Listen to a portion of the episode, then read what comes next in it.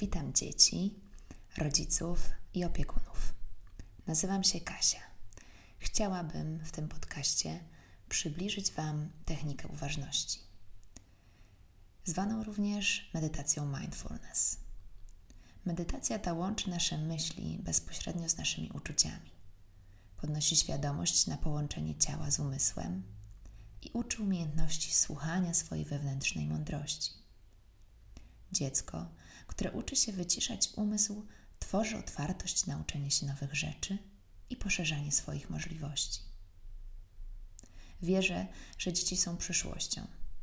To one będą za kilkanaście lat decydować o losach naszego społeczeństwa, a tak naprawdę o losach całego świata.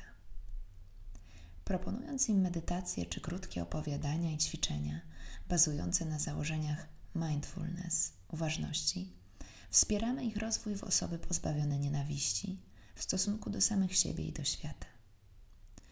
Osoby współczujące, życzliwe, tolerancyjne, o wysokiej inteligencji emocjonalnej, a co za tym idzie, potrafiące odnaleźć się w świecie i pośród ludzi.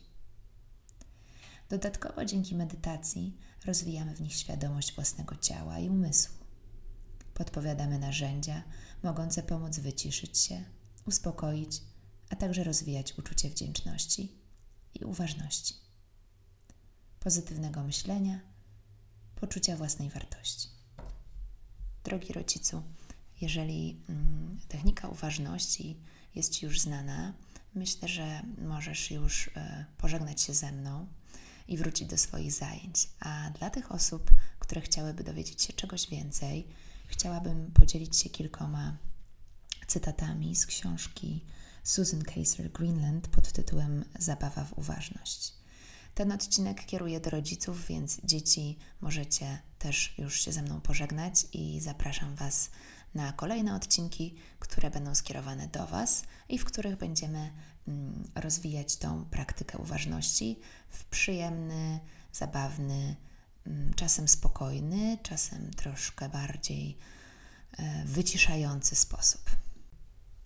A teraz czas na obiecane cytaty.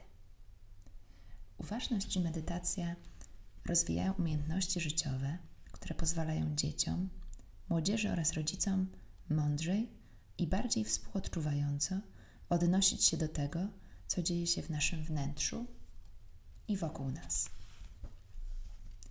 Kiedy dzieci i nastolatki skupiają się na doświadczaniu chwili obecnej, na przykład na doznaniach związanych z oddychaniem, lub dźwiękach w pomieszczeniu, ich umysł zwykle się wycisza i otwiera w sobie przestrzeń pozwalającą jaśniej widzieć to, co się wydarza. To tyle na dzisiaj. Zapraszam Was na kolejny odcinek, pierwszy odcinek z medytacją dla dzieci. Do zobaczenia, do usłyszenia.